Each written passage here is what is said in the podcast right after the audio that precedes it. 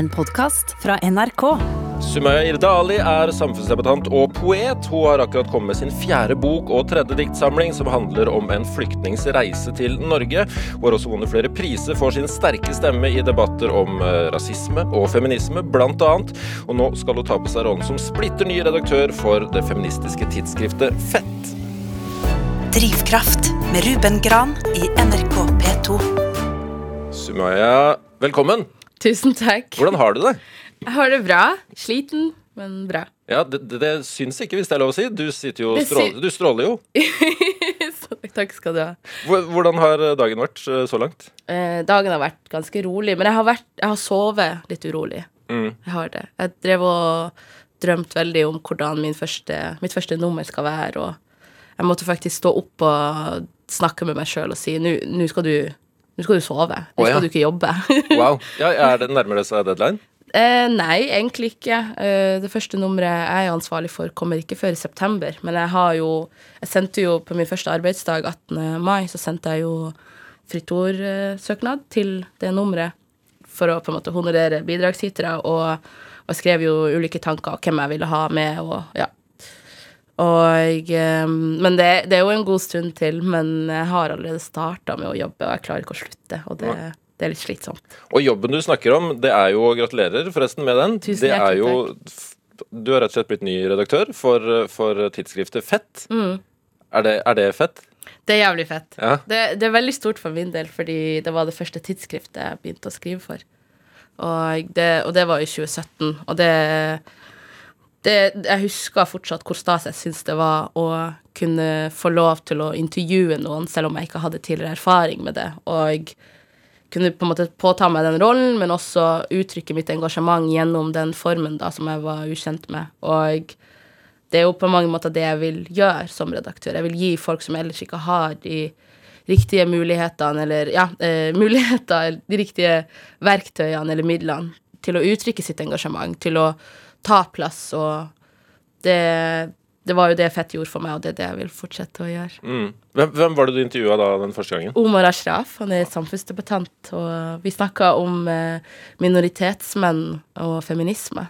For det, på det tidspunktet så var det jo en debatt, ikke sant, blant annet de Skamløse hadde jo kommet i 2016, og veldig mange jeg, var, jeg, jeg debuterte jo også i 2016, og veldig mange vi, vi var fort veldig mange jenter med minoritetsbakgrunn som prata om feminisme og antirasisme, og som talte høyt da om minoritetsmiljøer, majoritetsmiljøer, og så savner jeg på mange måter de mannlige stemmene, fordi det ble veldig fort sånn Vi ble pressa inn i en sånn rolle der vi var Vi kom fra minoritetsmiljøer, vi hadde minoritetsbakgrunn, og vi, vi ble da sett på som undertrykte. Og så var det jo da men, mennene som ble kategorisert som undertrykkerne, og jeg ville høre fra dem.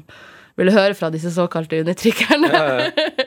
Men for de uinnvidde, det er ikke sikkert alle som hører på, kjenner til det. Hva, hva er Fett? Fett er jo Norges største feministiske tidsskrift. Det kommer fire ganger i året, og det er eid av Kvinnefronten, men det er uavhengig.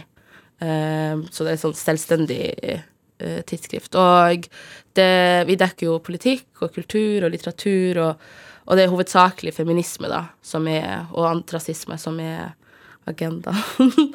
Hvorfor, hvorfor vil du være redaktør der? Fordi jeg begynte å skrive der, og jeg, jeg har lært veldig mye av å være en bidragsyter og, og være en del av det intellektuelle søsterskapet.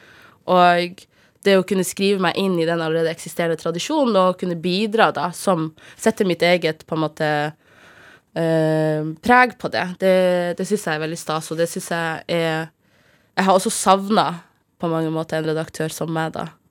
Så det hørtes veldig selvgod ut. Nei, men eh, da, da, da, får du muligheten til å oppfylle den, eh, det du har savna. Men hvordan, hvordan er du som leder, tror du? Em, jeg sa det nylig til en journalist. Jeg, um, er en sånn blanding av en veldig god venninne, en sånn cheerleader og en veldig streng gymlærer. oh, ja. Hvordan eh, arter den strengheten seg? jeg, jeg tror Altså, hvis jeg tror på noen, så tror jeg det kan bli, bikke over. Um, det, og jeg, hvis jeg hvis jeg mener at noen har et engasjement som burde komme til uttrykk, så kan jeg bli litt sånn, kanskje litt dogmatisk i min tilnærming, der jeg forsøker å, å presse dem eller motivere dem. Jeg, jeg tenker jo at jeg forsøker å motivere og engasjere dem til å ta på en måte, å gjøre det de vil gjøre. Um, og det kan bikke litt over. Det kan bli litt mye. Hva slags lederforbilder har du sjøl? Oi, det var et godt spørsmål. Um, jeg kommer ikke på noen. Nei. Det er du som Du, du er din egen leder. Men eh, noe jeg er sikker på du har tenkt på. Eh, hva, hva, hva er feminisme for deg? Feminisme for meg, det er jo å anerkjenne at det finnes uh, undertrykkelse i vårt samfunn. ikke sant? Det finnes folk som holdes igjen, ulike grupper, og de gruppene kan oppleve å holdes tilbake pga. kjønnet sitt, de kan oppleve det pga. etnisiteten sin, funksjonsevne, um, seksuell orientering. Og så det, det Min feminisme, da Jeg kaller meg sjøl for en interseksjonell feminist. Og det betyr jo at jeg bare ser de ulike identitetsmarkørene i sammenheng, og jeg ser hvordan de overlapper. Fordi jeg personlig jeg opplever jo ikke bare diskriminering som følge av det å være en ung kvinne. Uh, og det ser jeg jo komme til uttrykk når jeg får veldig seksualisert og grov og grafisk eh, hets og sjikane som går på skjønnet mitt, da. Um, men jeg får også Jeg blir diskriminert også ut ifra min mørke hudfarge og at jeg er synlig muslim. ikke sant? Jeg bruker hijab. At jeg er somalier. Um, og jeg har da uh, Så interseksjonell feminisme, den ser på mange måter alle disse delene da ved meg, alle disse minoritetene i meg, eh, og ser hvordan de kan føre til dobbel eller trippel form for diskriminering. Ja, så det blir Det blir feil ord, men det er rangeringer Eh, ikke rangering, men skjønner du hva jeg mener? Ja, ja, det ja. Blir, det blir forskjellige grader etter hvordan, hva slags kvinne for eksempel, man er, da. Ja, ja, absolutt. Mm. Uh, en, uh, altså, mine etniske norske uh, hvite venninner de opplever jo kjønnsdiskriminering. Og så opplever jo mine mørke venninner diskriminering som følge av det å være svart. Så det er liksom Det blir uh, ulike lag. Jeg tenker det er kanskje et bedre ord enn rangering. Ja, helt enig. Helt enig. Jeg har ikke drukket nok kaffe i dag. Uh, men hvilke diskusjoner eller fokus om feminisme er det du, du ønsker deg fremover? Jeg har veldig lyst til å dekke det vi det fett ikke har dekka. Blant annet. Det første nummeret mitt Jeg skal ikke røpe temaet, men uh, det må man abonnere for å få med seg. Men det, det er et det er en tematikk som står meg nær. Uh, men jeg, har veldig lyst til å dekke de, det som ikke har blitt dekt. Og, og jeg, så er jeg veldig interessert i å på en måte Det er jo veldig mange menn som, som blir provosert av f.eks. kvinnedagen, ikke sant. De, de, det er de som eh, på 8. mars klager over at det ikke finnes en mannsdag. Hvorfor prater vi ikke mer om menn, og at de topper selvmordsstatistikkene osv. De, den tematikken vil jeg ta tak i. Jeg vil veldig gjerne prate om selvmord. Jeg vil veldig gjerne prate om at det er menn som øh, på en måte topper dem, og den statistikken. Og så, så, jeg har lyst til å på en måte tenke litt videre, da, og ikke bare tenke på kjønnsdisk kjønnsdiskriminering. Og det har jo Fett også vært veldig god til å ikke tenke på, det. Um, under Hanne, som er avtroppende redaktør, og også under Hedda Lingas Fossums ledelse. Så jeg bare tenkte å fortsette på det, egentlig. Ja, Utvide repertoaret litt? Ja. Og så har jeg jo mange planer når det kommer til uh, design og estetikk. Um, jeg har planer når det kommer til hvem som skal skrive. Jeg har jo, som jeg sa tidligere, veldig lyst til at folk som ellers ikke opptrer i, i norsk offentlighet, skal få muligheten. For det er veldig mange som sitter på veldig mye bra, som bare ikke har de riktige nettverkene, eller ikke har de, de nødvendige verktøyene, da. Ja, hva slags mennesker er det? Nei, det er jo sånn som meg, unge, og, men også eldre folk uh, som skriver, som er engasjert, men som uh, Jeg kjenner jo veldig mange som f.eks. minoritetsgutter og menn som har engasjert seg i norsk offentlighet i mange år, men som veldig sjelden kom på trykk i avisene. Så det er de folkene, da, som uh, faller litt utenfor. Fordi det, jeg vet ikke, de er ikke hot, eller de er ikke, de er ikke in det de den de er, da. Ja. Er det noen debatter innenfor feminismen som du syns er vanskeligere å ta enn andre? Mm, øh, ja. Uh, men jeg, altså En debatt jeg har veldig lyst til å utforske mer, det er jo spørsmålet om surrogati. eh, de fleste feminister. Jeg, jeg, var, jeg har jo sjøl i lang tid vært imot det, eh, fordi klassisk feminisme, den ser jo på det og at kvinner, og særlig Det er jo ofte um, ikke-privilegerte kvinner, fattige kvinner, som kommer fra Som ikke har på en måte andre muligheter til å forsørge seg sjøl, som går gravid for folk som er villige til å betale det, da. Og jeg har vært imot det, og så var jeg på en konferanse i Reykjavik, det var den første metoo-konferansen, der jeg på en måte fikk det synet, eller det, den problematikken, mye mer nyansert, og jeg, så hvor sammensatt den var. Det var ikke bare utnyttelse av kvinnekroppen, fordi de som prata om det, det var jo kvinner med funksjonsnedsettelser, de uttrykte hvordan surrogati er den eneste formen Det er på en måte den eneste måten de kan være foreldre på.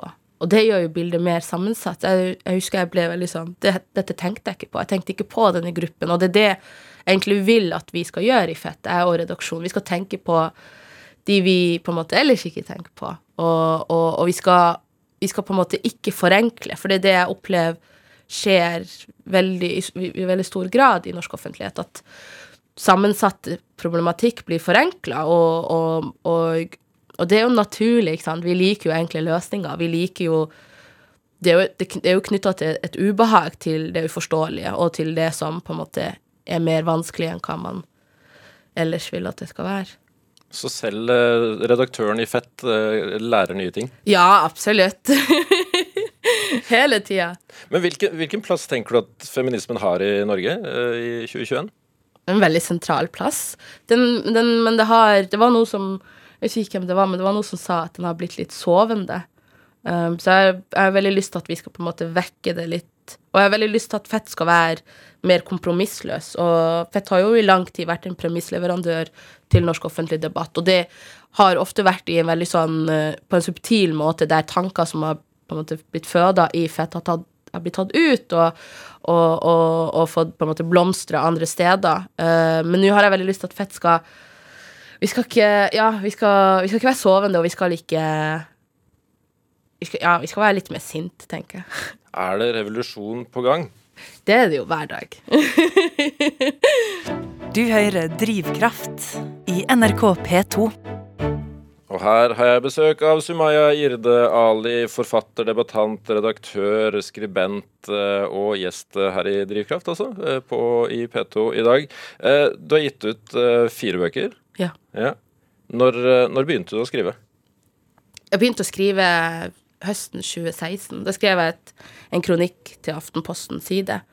Og det gjorde jeg fordi jeg var veldig Jeg gikk rundt og bar på en frustrasjon hele den sommeren og så mot høsten, da. Eh, fordi jeg så ikke folk som ligna på meg. Jeg hadde vært i, i, London, der vi har familie, og du vet jo For hver gang du er det, på det samme stedet, så ser du noe nytt, og det her er i relasjon til på en måte, hva slags interesser du har, og hva du bryr deg om. Og, og for første gang så så jeg mangfoldet som var på en måte ble speila. Jeg så folk som ligna på meg sjøl i store billboards, og jeg så dem på TV, og jeg så dem i aviser, og så kommer jeg hjem til Bodø, der på en måte den eneste i det offentlige rom, den eneste plakaten som viser ulike folk, det var en sånn ni år gammel United Benetton-plakat som hadde måkebæsj og gammel og grå og ekkel, og Så jeg ble veldig frustrert, og så skrev jeg da en kronikk som jeg sendte Jeg turte faktisk ikke å sende inn, det husker jeg veldig godt. Jeg måtte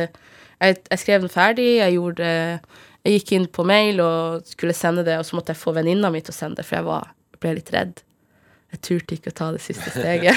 hvor, ja, hvor, var det du fikk den på trykk? I Aftenposten eh, side. Ja. Det er jo sånn eh, det, det, er en veldig fin plattform de har for uh, så unge kan engasjere seg og skrive. Du trenger ikke å ha noe særlig erfaring med det å skrive, og det er veldig sånn lav terskel.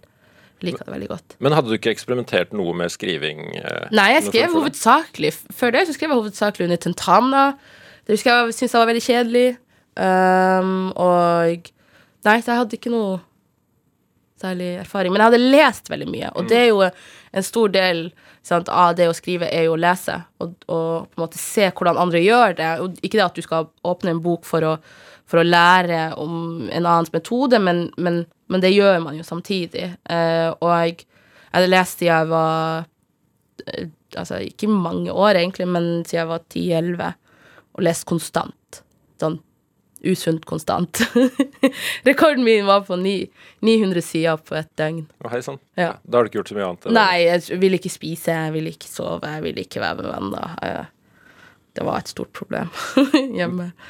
Men hva var, det, hva var det det vekte i deg da, å skrive for første gang, og attpåtil få det på trykk? Det var skikkelig gøy, eh, husker jeg. Og jeg syns det var Det å få respons, ikke sant. Det å bli lest. Det, altså det største i livet for jeg tenker for oss mennesker, det er å bli sett og hørt.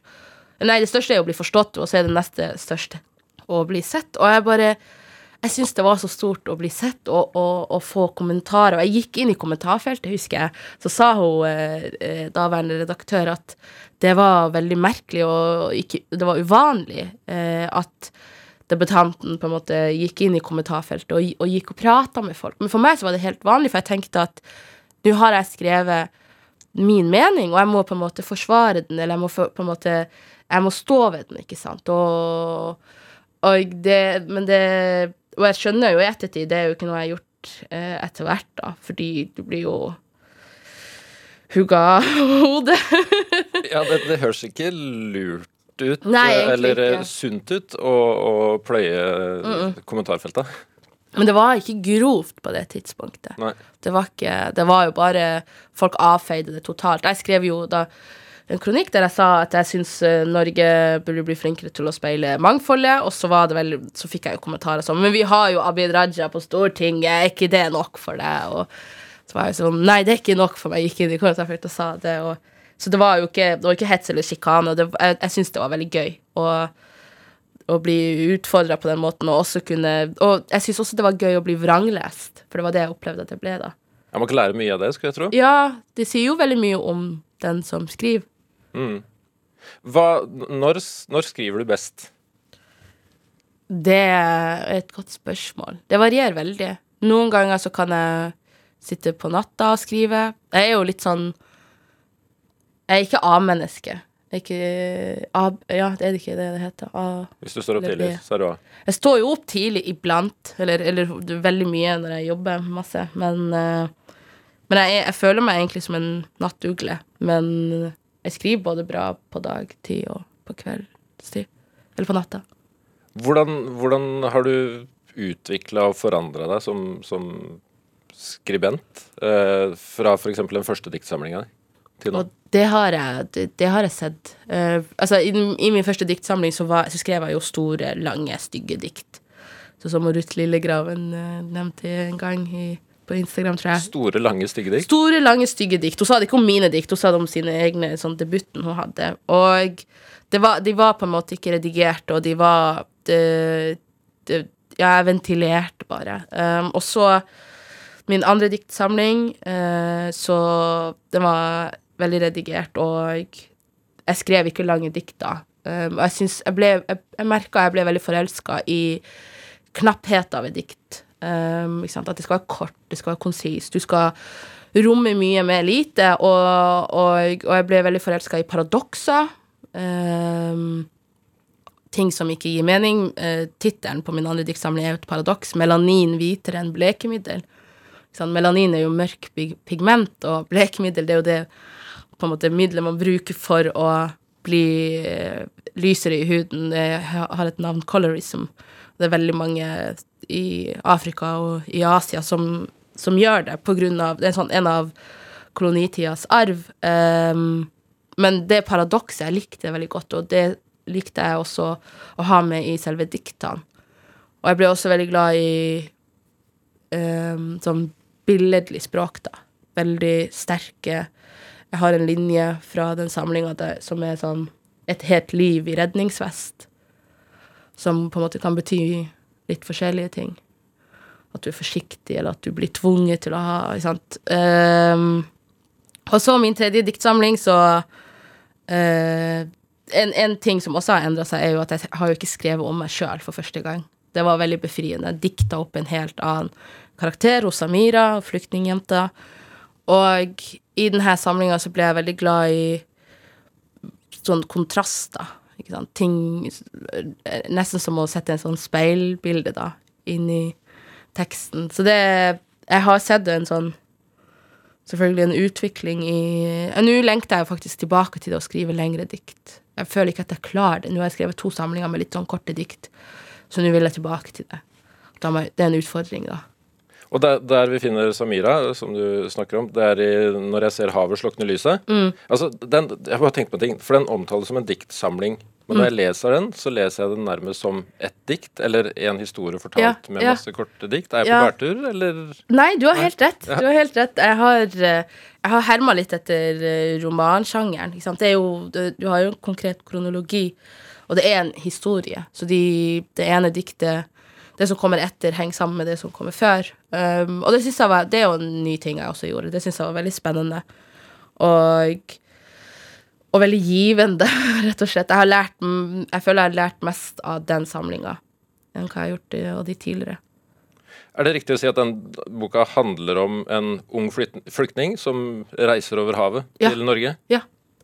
Det er jo tredelt. Så første del er havet, og så er det flyktningleiren, og så er det Bodø. Og det var veldig viktig for meg å representere Bodø, fordi jeg var, jeg var på en sånn eh, en, for, Jeg holdt foredrag på Nasjonalbiblioteket for noen år siden som handla om eh, litteratur og lokalitet. Og, og da proklamerte jeg liksom Jeg hadde ikke tenkt over det. Da var jeg sånn her Nå skal jeg begynne Jeg skal bli en sånn forfatter som eh, representerer der hun er fra. Jeg er veldig misunnelig på Bergens eh, bergenserforfattere, fordi det, det finnes en veldig sånn konkret litteratur som tar uh, utgangspunkt i Bergen, eller finner sted i Bergen. Og det samme, altså det meste av samtidslitteratur finner jo egentlig plass i Oslo, synes jeg. Det syns jeg er litt irriterende som nordlending.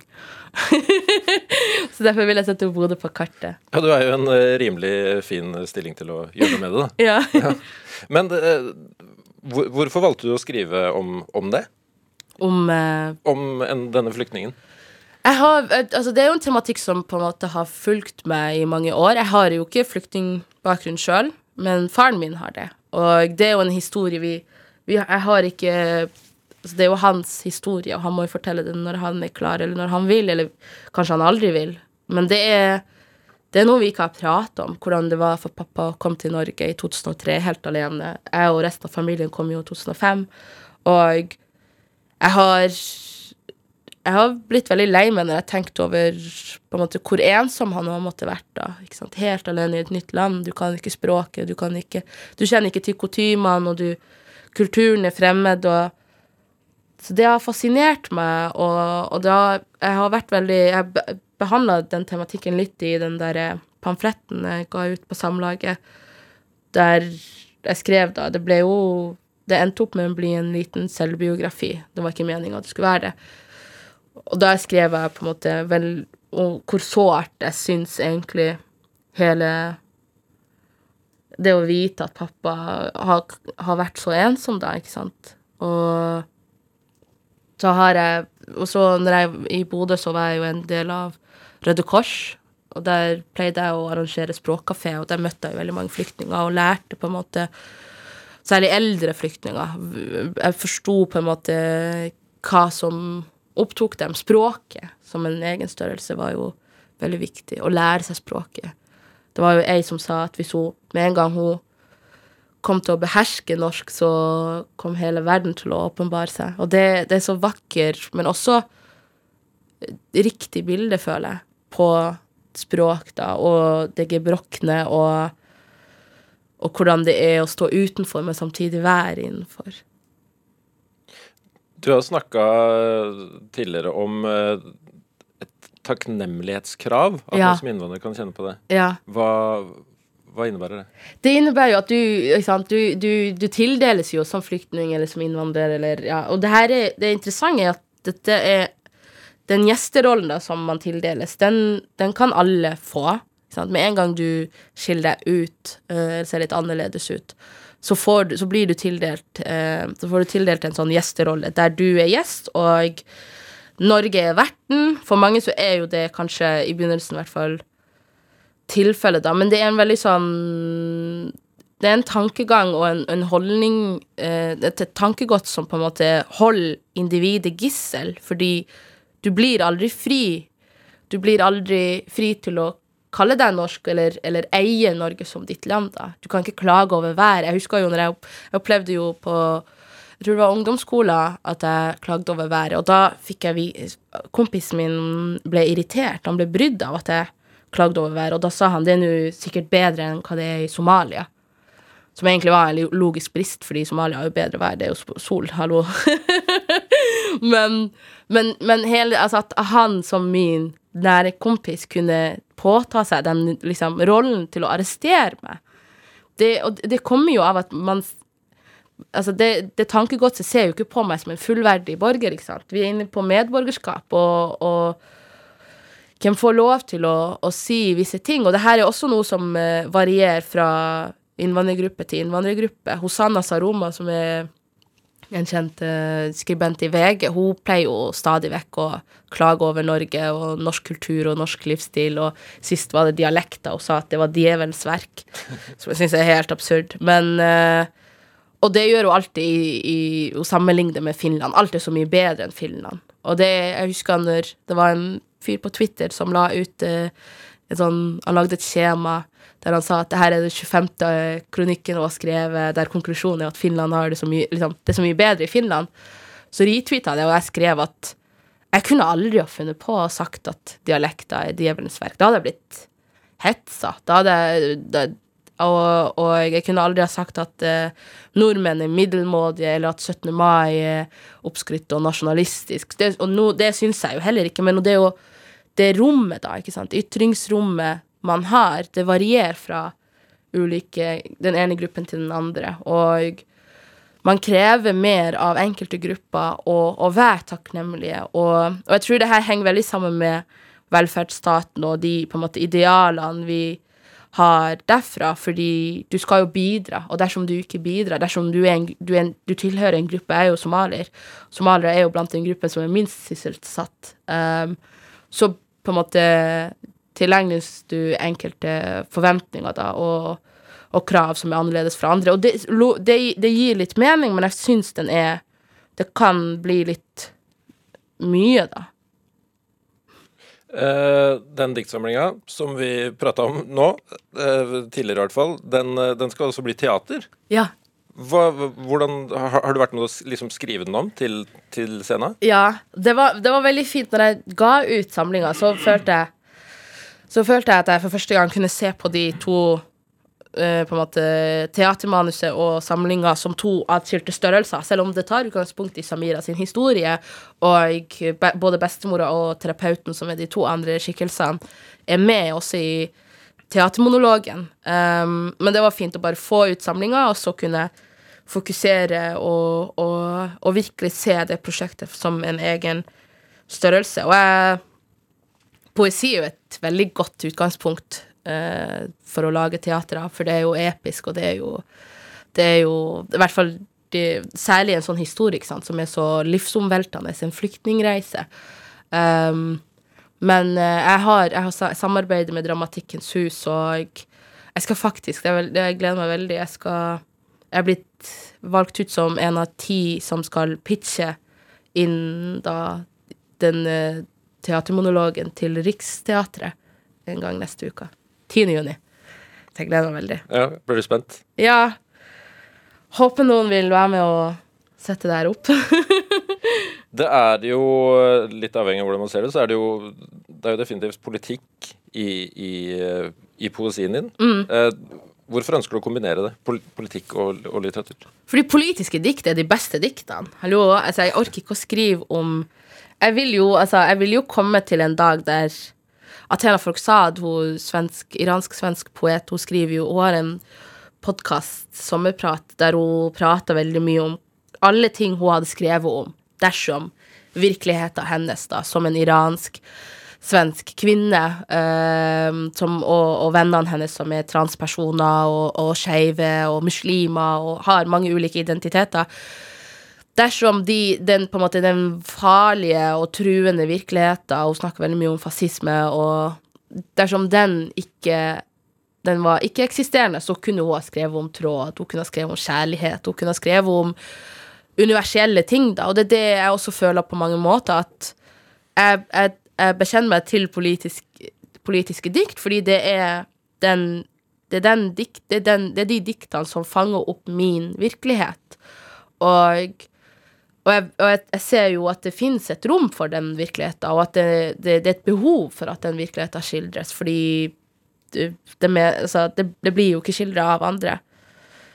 I hvert fall vel, veldig få i norsk kontekst, i hvert fall. Men hva, hva kan litteraturen si oss som, som en debatt ikke kan? Poesi, syns jeg. jeg. jeg. føler meg mye mer fri som poet enn hva jeg gjør som debattant. Jeg vet jo Og det her, det her har ikke bare med mottakelse å gjøre, liksom, eller hvordan du blir lest. Det her har også veldig mye med de ulike rammene. Altså, en kronikk har jo sant, Du skal skrive 4300 tegn, og det skal være relevant, og det skal være sensasjonelt, og du skal være spissformulert, og bla, bla, bla. Mens i poesien så eksisterer ikke disse rammene. Og hvis de skal eksistere, så skaper jeg dem sjøl. Jeg kan være veldig tradisjonell i, i, i utforminga. Jeg kan benytte meg av rim.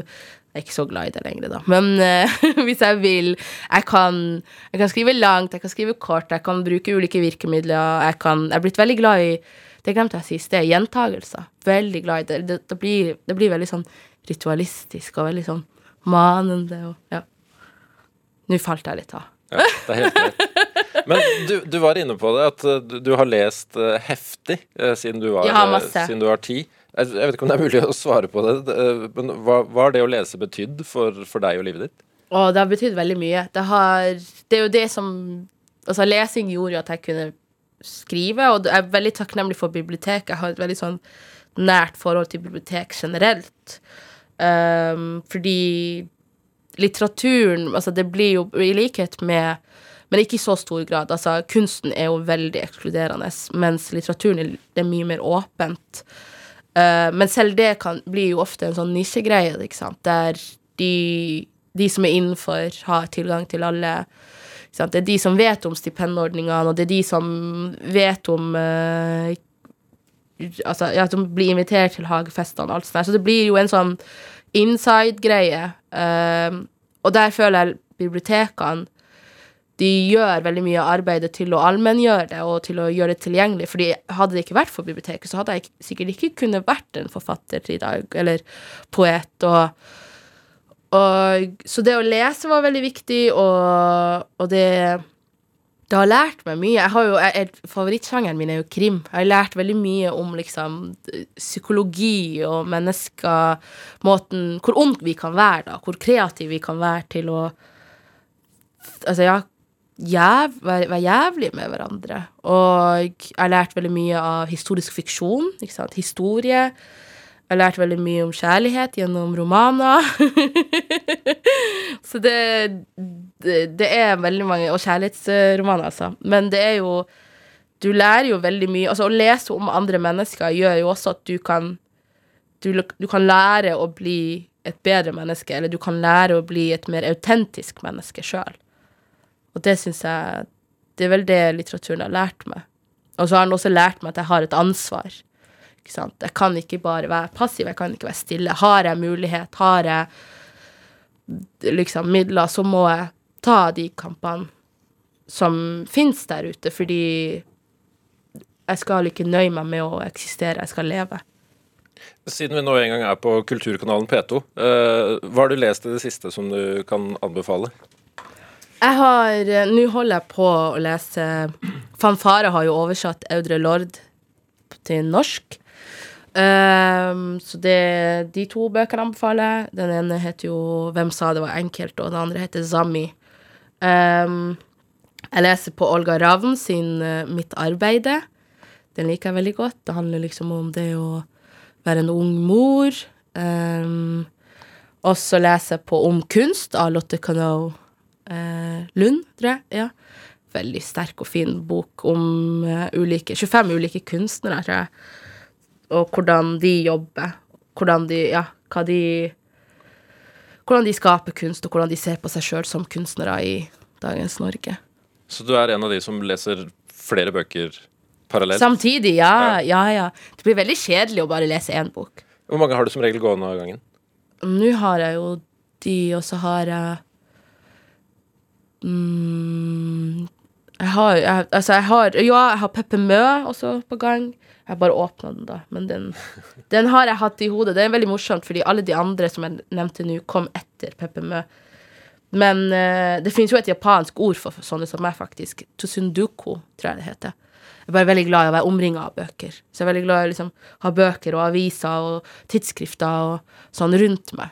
Det, det, jeg holdt på å si det er mine venner, men det høres bare veldig trist ut. Det er det ikke. Men det, det, det er bare veldig Det gir meg sjelero. Ja, Hvordan ser det ut hjemme hos deg? Er det liksom stabler av bøker? eh? Det er ikke rotete. Det, det er en sånn eh, En rot med litt med orden. Det er litt sånn kategorisert rot. Såkalt kreativt rot? Nei, for Nei. Det, det ser jeg for meg litt sånn hultete bulter, masse papirer her og sånne ting. Nei, det er det ikke. Var orden. Men, men sjangeren, nei, sjangeren, eh, krimmen, hvordan, hvordan, hvordan falt du for det? Jo Nesbø, selvfølgelig. Å, ja. hva, hva var det du leste der som, eh, som? Snømannen. Jeg syns det, var en det var en syk bok. Jeg syns det fortsatt. Den vil jeg lese igjen, faktisk. Det, kanskje det en skal gå og finne den. Det som, det som jeg syns er kjipt, er at når eh, man bor forskjellige steder, så har man bøker som blir nyttige etter hvert i en annen by, og så blir det sånn åh. Så må du må kjøpe de samme bøkene. Men det, det går fint. Men 'Snømannen' var min inngang til krimsjangeren, og så bare leste jeg alle Harry Hole-bøkene. Jeg har ikke lest de nyeste, tror jeg. Jeg tror ikke jeg har lest 'Kniv'. Var det ikke en som het det? Det er godt mulig. Hva sa du? Jo, produsenten nikker. Ja. Jeg har ikke lest den. Um, men uh, det var Ja, det også gikk over til Nå, altså min favorittkrimforfatter nå er jo Stefan Ahnem. Han er jo legendarisk. Fordi en ting krim Altså veldig mange litteraturkritikere de, de syns jo krim er litt eh, Ikke kjedelig, men de ser Det er veldig mange som ikke ser på det som litteratur av god kvalitet, eller høy kvalitet.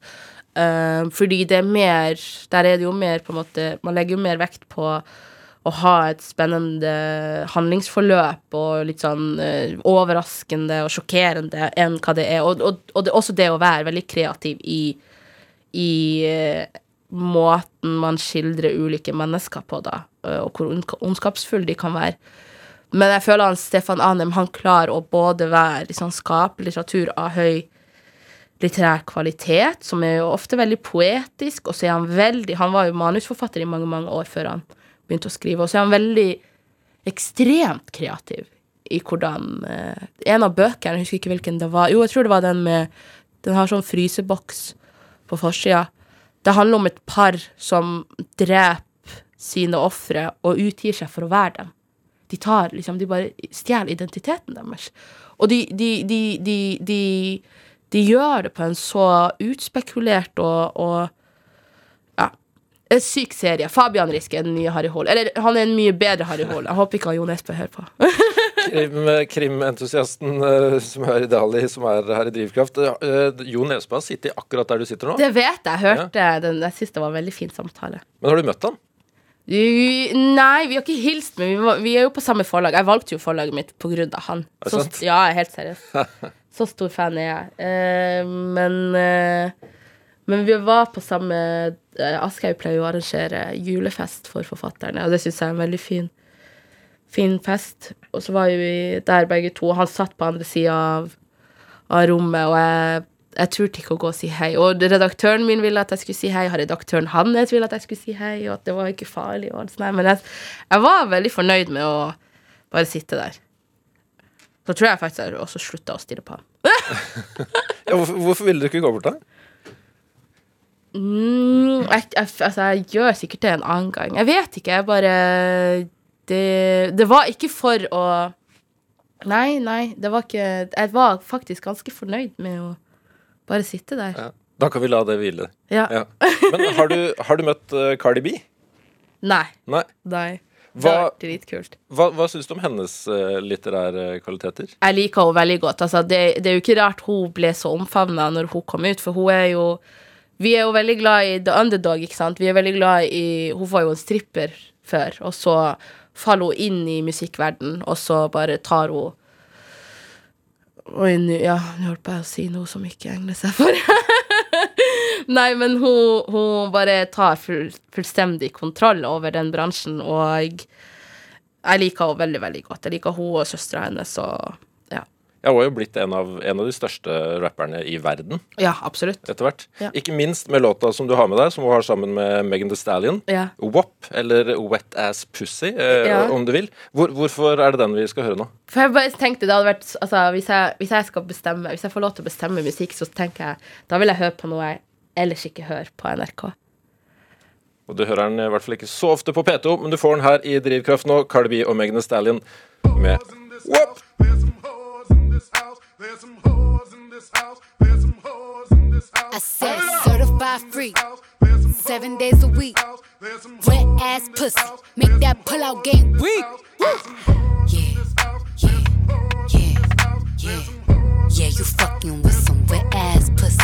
Bring a bucket and a mop for this wet ass pussy. Give me everything you got for this wet ass pussy. Beat it up, nigga, catch a charge. Large and extra hard. Put this pussy right in your face. Swipe your nose like a credit card. Hop on top, I wanna ride. I do a giggle, is inside? Spit in my mouth, look in my eyes. This pussy is wet, come take a dive. Tie me up like I'm surprised. That's role play. I wear disguise. I want you to park that Big Mac truck right in this little garage. Make it cream, make me scream. Out in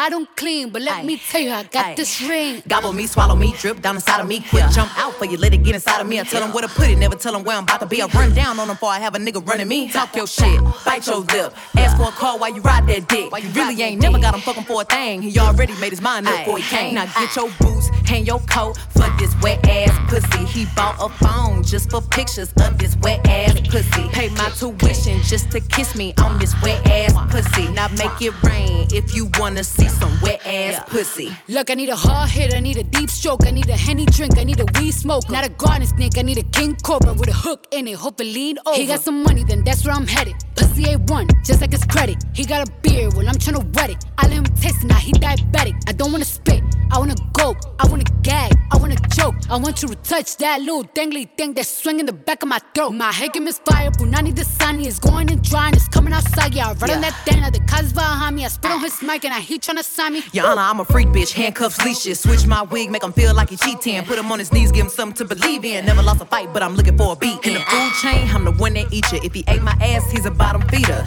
Big D stand for big demeanor. I can make you bust before I ever meet you. If it don't hang, then he can't bang. You can't hurt my feelings, but I like pain. If he fuck me and ask who's is it when I ride the dick, I'ma spell my name. Ah. whores in this house. Yeah, There's some whores in yeah, yeah.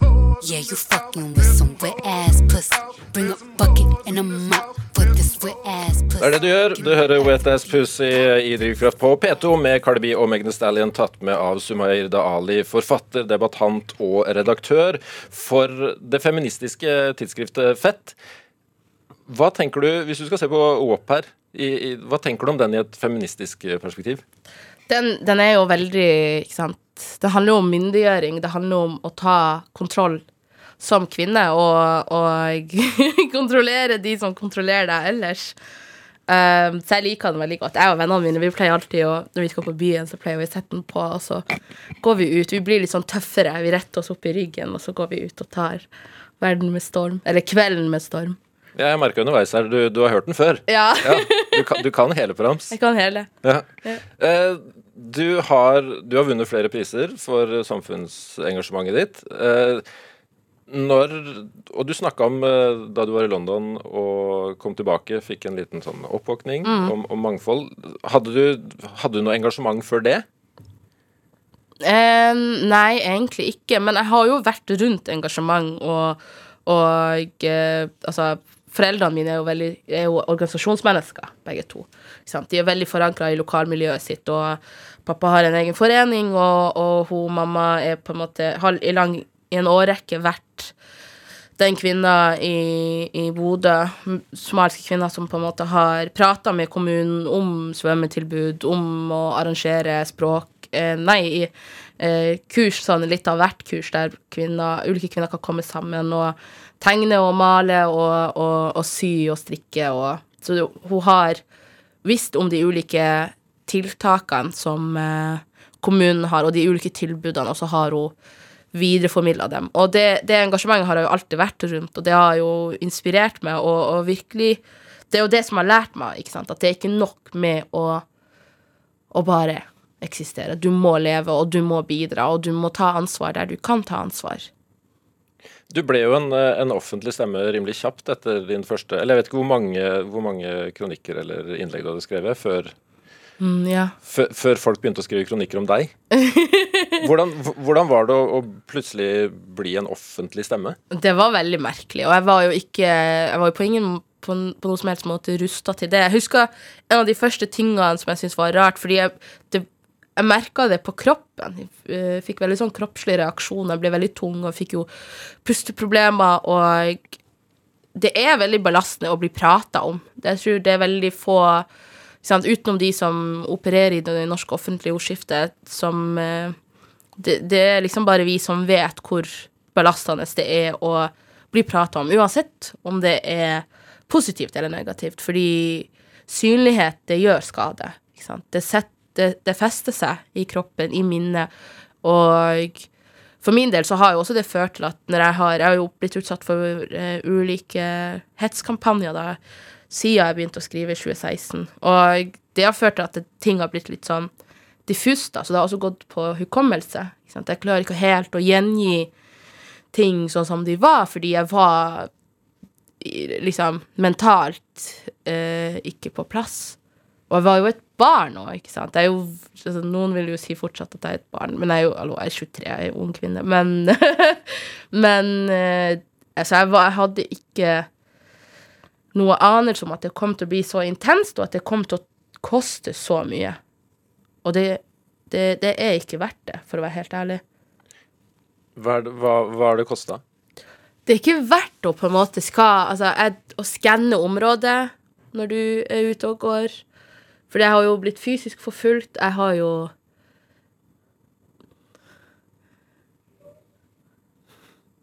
Det er jo ikke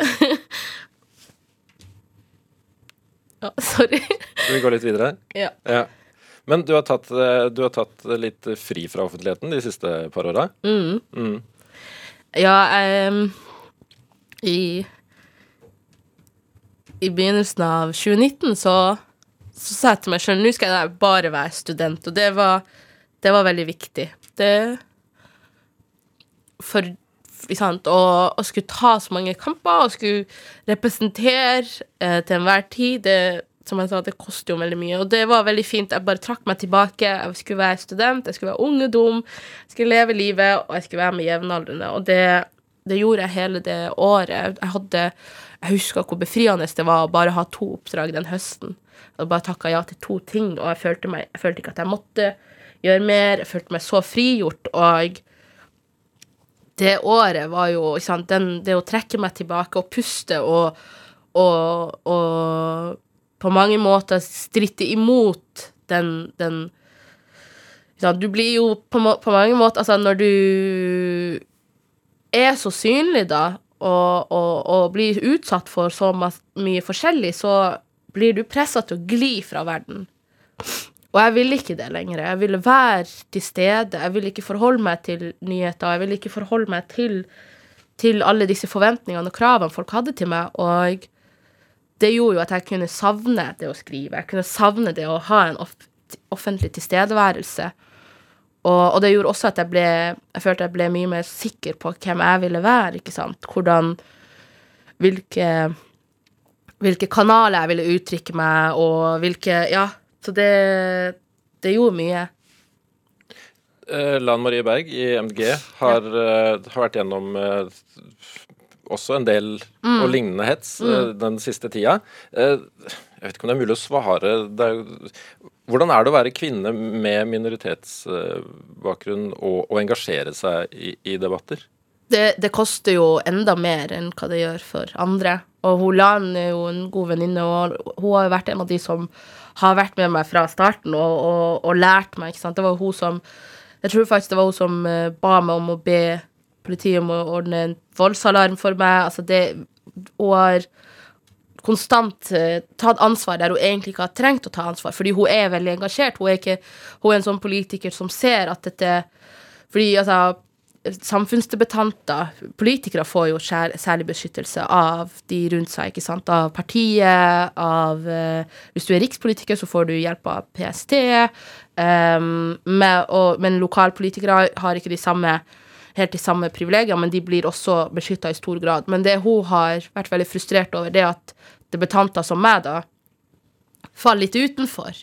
Du, du Og jeg, jo, jeg er jo spaltist, og jeg er jo hovedsakelig på en måte sånn frilanser der jeg er Jeg har en fot innenfor, men ikke, jeg er ikke helt innenfor de ulike plassene jeg opererer i, da, enten det er i, i avisa eller i forlaget, og da vet man ikke helt hvor mye ansvar? Folk vet ikke helt hvor mye ansvar de skal ta, og de, vet, de, de har ikke helt retningslinjer for, eller tiltak for å beskytte så godt som det de, de, det de kan gjøre. Og, så hun har vært en av de som har hjulpet meg masse, og, og det koster mye. Og det, jeg, jeg, jeg, bare, jeg blir veldig frustrert og, og, sint, egentlig, for det skal, det skal ikke måtte koste så mye.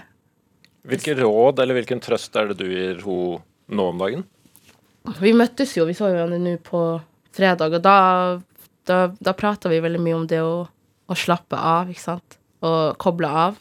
Og hun har jo hatt det veldig tøft, og det har jo Jeg er blitt så frustrert og provosert over, for nå er det jo en sånn debatt om der folk hevder at politikere er mektige, og de skal tåle det. Nei, du skal ikke tåle Du skal tåle kritikk, og du skal tåle uh, den synligheten, for det er jo den, en jobb du har valgt, men det er visse deler ved det. ikke sant? Hets og sjikane.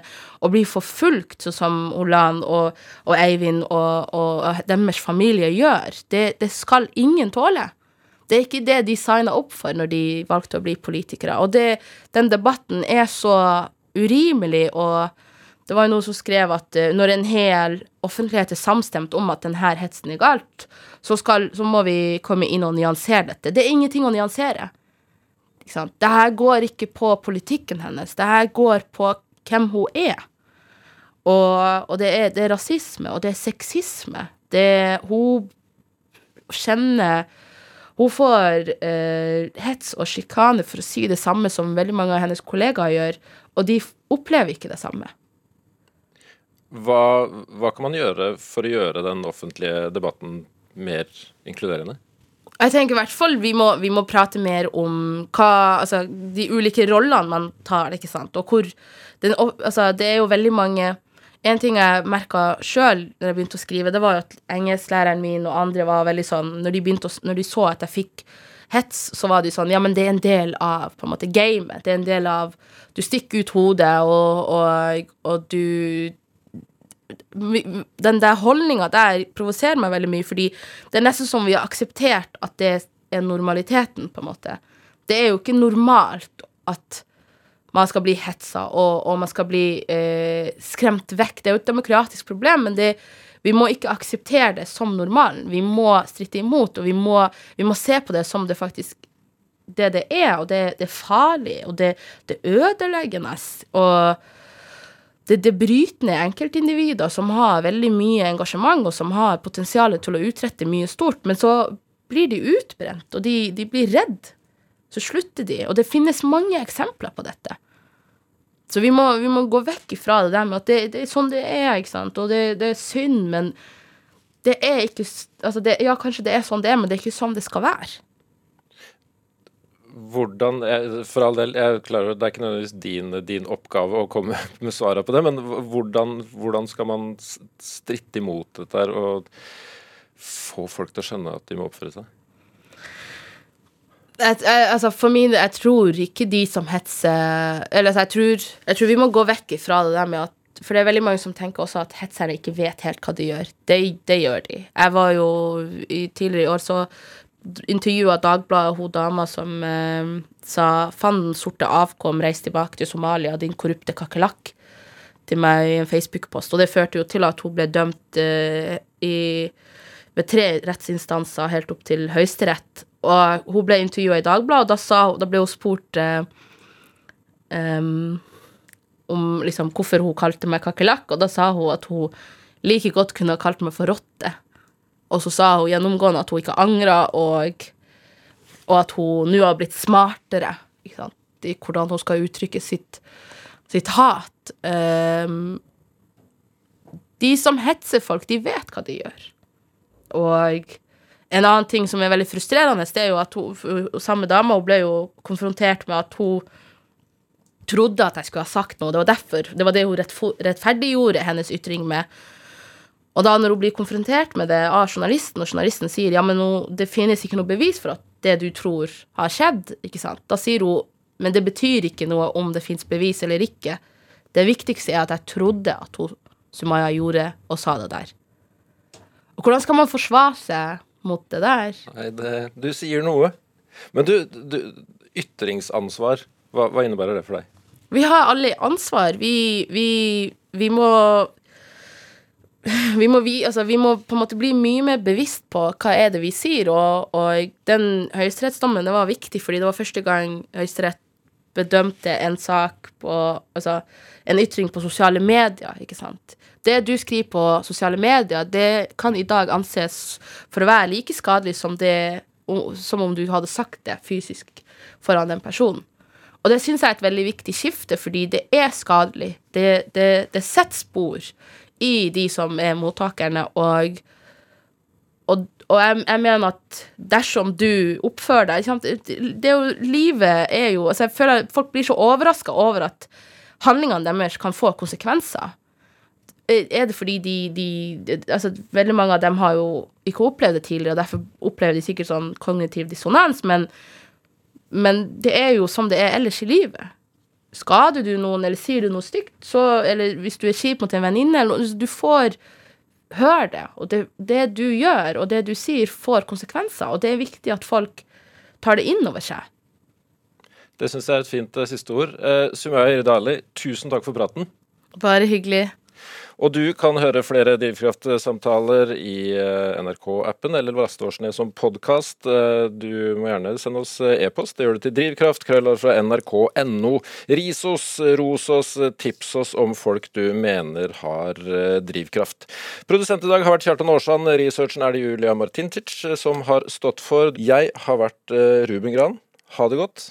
Vi hørs. Du har hørt en podkast fra NRK. Hør flere podkaster og din NRK-kanal i appen NRK Radio.